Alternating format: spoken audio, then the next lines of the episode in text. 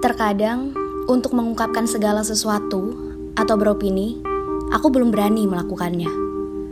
Aku takut. Bagaimana kalau nanti pendapat aku salah?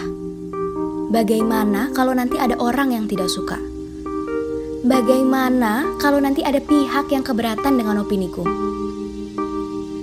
Namun, bukankah sebuah opini itu pasti ada perbedaannya? Perbedaan itu hal yang wajar, bukan?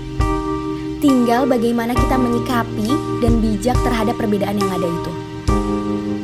Aku, Reka Riang Rahita. Di sini aku akan berusaha belajar mengeluarkan pendapat yang ada di benakku. Mari kita bersama-sama belajar dan mari kita berdiskusi bersama.